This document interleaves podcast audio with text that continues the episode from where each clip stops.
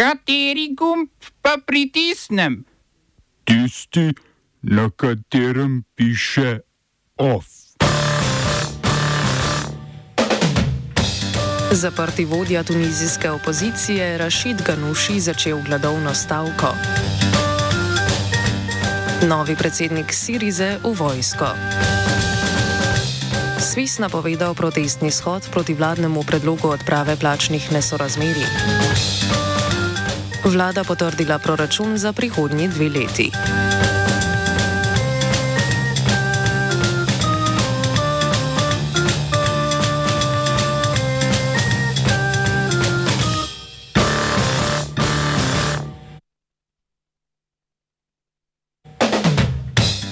Predsednik največje tunizijske opozicijske stranke, Enahda Rashid Ganuši, je v zaporu začel gledovno stavko, s katero zahteva ukinitev vseh omejitev in kazni za politične zapornike.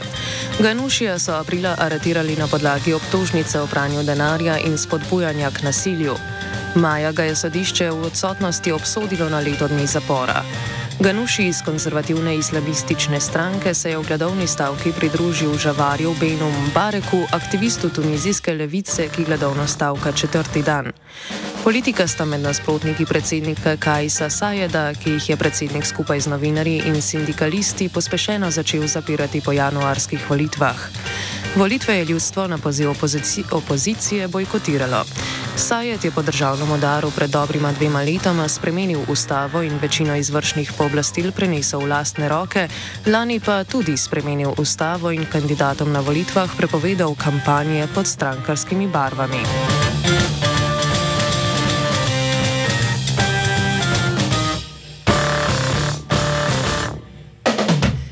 Novi predsednik grške Sirize Stefanos Kaselakis je napovedal začasen umik iz politike, saj mora odslužiti vojaški rok obvezan za vse moške mlajše od 35 let. Doslej vojaškega roka nekdani bančnik, ki je v nedeljo zmagal na strankarskih volitvah, ni odslužil, ker je od 14. leta živel v Združenih državah Amerike. V Grčiji mora opraviti šest mesecev vojaške službe ali le tri tedne, če bo v zameno za skrajšan vojaški rok plačal. V drugem krogu strankarskih volitev je Kaselaki s pomočjo 40 tisoč voljivcev, ki so se v stranko učlanili tik pred volitvami, premagal Eftihijo Ahčijoglu, kandidatko strankarskega establishmenta. Na čelu stranke je politik, katerega edino stališče je nasprotovanje Kirjakosu Micotakisu, predsedniku vlade iz vrst konzervativne nove demokracije, nasledil Aleksisa Ciprasa. Cipras je odstopil po visokem porazu Sirize na junijskih parlamentarnih volitvah.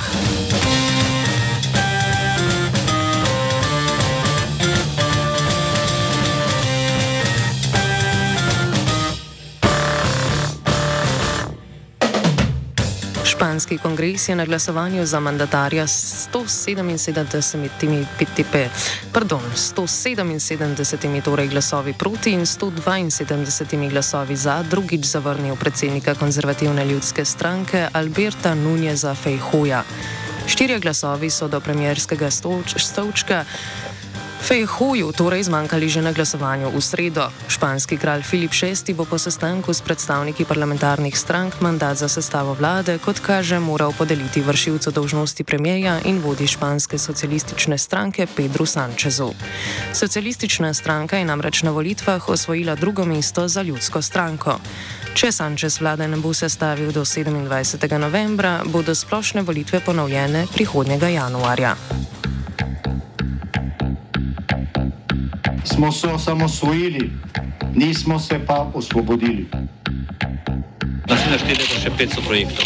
Izpiljene modele, kako so se strani nekdanje LDS rotirali. Ko to dvoje zmešamo v pravilno zmes, dobimo zgodbo o uspehu. Takemu političnemu razvoju se reče udar. Jaz to vem, da je nezakonito, ampak kaj nam pa ostane? Brutalni obračun s politično korupcijo. To je Slovenija,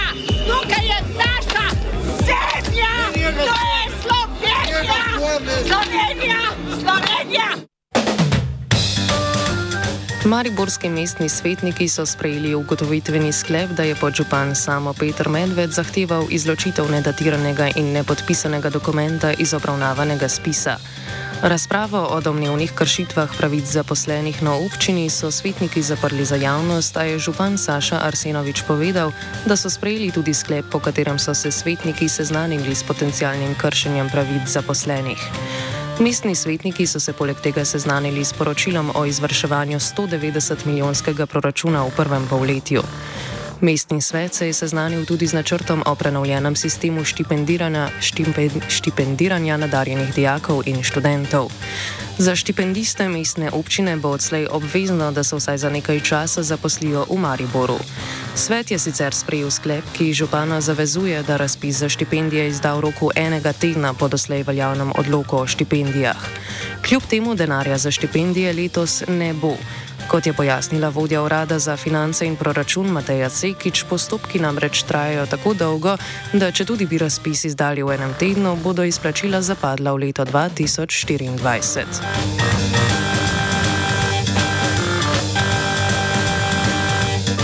Mestni svetniki v Kopru so potrdili, potrdili investicijo v bodoči zdravstveni center Koper v višini 22 milijonov evrov.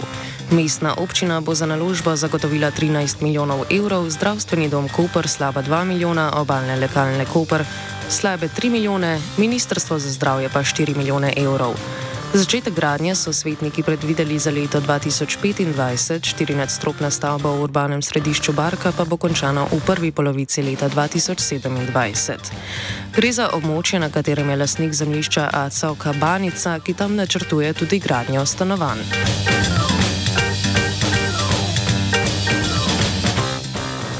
Glavni odbor sindikata vzgoje, izobraževanja, znanosti in kulture, kulture Slovenije, znanega kot SWIS, je zaradi vladnega predloga o odpravi plačnih nesorazmerij v javnem sektorju za 25. oktober napovedal protestni shod. Zakaj se je SWIS odločil za protestni shod in kaj jih, je, kaj jih pri vladnem predlogu najbolj moti, pojasni glavni tajnik sindikata Branimir Štrukel. Vladni predlog ne odpravlja plačnih nesorazmerij, nasprotno ohranja jih in jih prenaša v nov plačni sistem, ker to zelo zahtevno operacijo odpravljanja plačnih nesorazmeri nadomešča z povšaljnimi dvigi plač. In seveda, če vi povšaljno dvignete plače vsem, recimo na enaki stopni izobrazbe ali z enakim izhodiščem, potem plačnih nesorazmeri ne odpravljate, ampak jih zgolj prenašate. En drug element tega njihovega predloga to je, da se do konca tega prehodnega obdobja te v resnici ne odprave plačnih nesorazmeri, vrednosti plačnih razredov ne usklajujejo, kar bo najbolj prizadelo tiste z nižjimi plačami. V skupini J, temi, ki so tik nad minimalno plačo, vlada je po moji presoji popolnoma nerazumno, ne, neumno, tako rekoč, posegla v sistem, strokovnega napredovanja v šolstvu, ne, učiteljstvo napreduje v strokovne nazive, ki jih pridobiva z a, povečanjem svojega znanja, a, ki ga pridobiva na seminarjih, z, ali pa tako, da prispeva več v izobraževalni sistem, napiše učbenik, naredi recenzo, karkoli. Skratka, posebno je v ta ključen element, ki prinaša kakovost našemu javnemu izobraževanju, pa tudi uh, strokovnemu delu kulture, uh, ga razvrednotila s tem, da je znižala razlike med temi strokovnimi nazivi in na nek način dodala, poglobila krizo, ki jo že imamo v izobraževanju, ko nam primankuje kadra, kot veste, lovimo študentke in študente po cestah, da gredo učiti, ker ni več uh, ustrezno izobraženega. Svis si želi tudi takojšnjo uskladitev plačnih razredov z aktualno inflacijo, ki je v predlogu zakona napovedana za začetek leta 2028.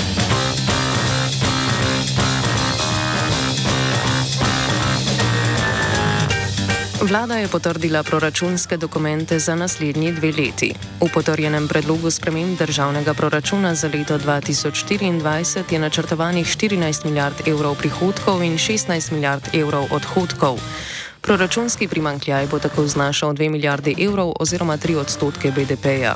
V proračunu za leto 2025 je načrtovanih slabih 15 milijard prihodkov in 16 milijard odhodkov, proračunski primankljaj pa je načrtovan v vrednosti 1 milijarde evrov oziroma 1 odstotka BDP-ja.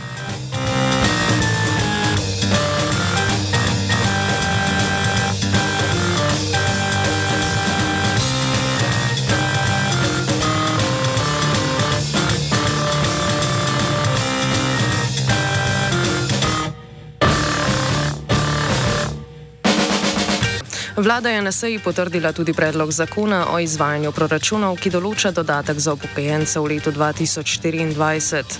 Tistim, ki prejemajo pokojnino v znesku do 650 evrov, se bo denimo letni dodatek izplačal v višini 460 evrov. Zakonom o izvajanju proračuna je vlada določila tudi povprečnino za občine v višini 700 evrov za obe leti. Finančni minister Klemen Boštjančič je napovedal tudi verjeten rebalans proračuna v začetku prihodnjega leta. Ta bo potreben, ker bo takrat jasnejša potrebna sanacija po poplavah in zaradi novih davkov, predvsem davka na bilančno vsoto bank.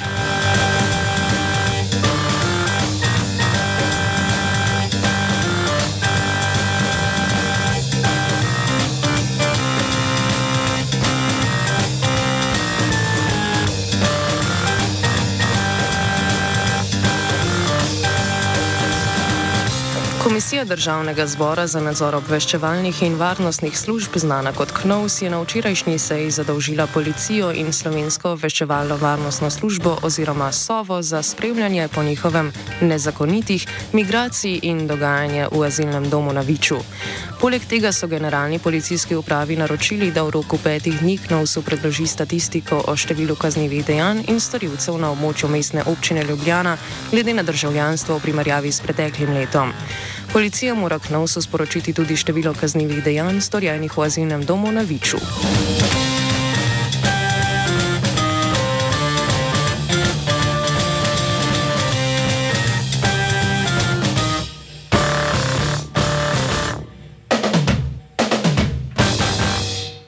Je pripravila Neva.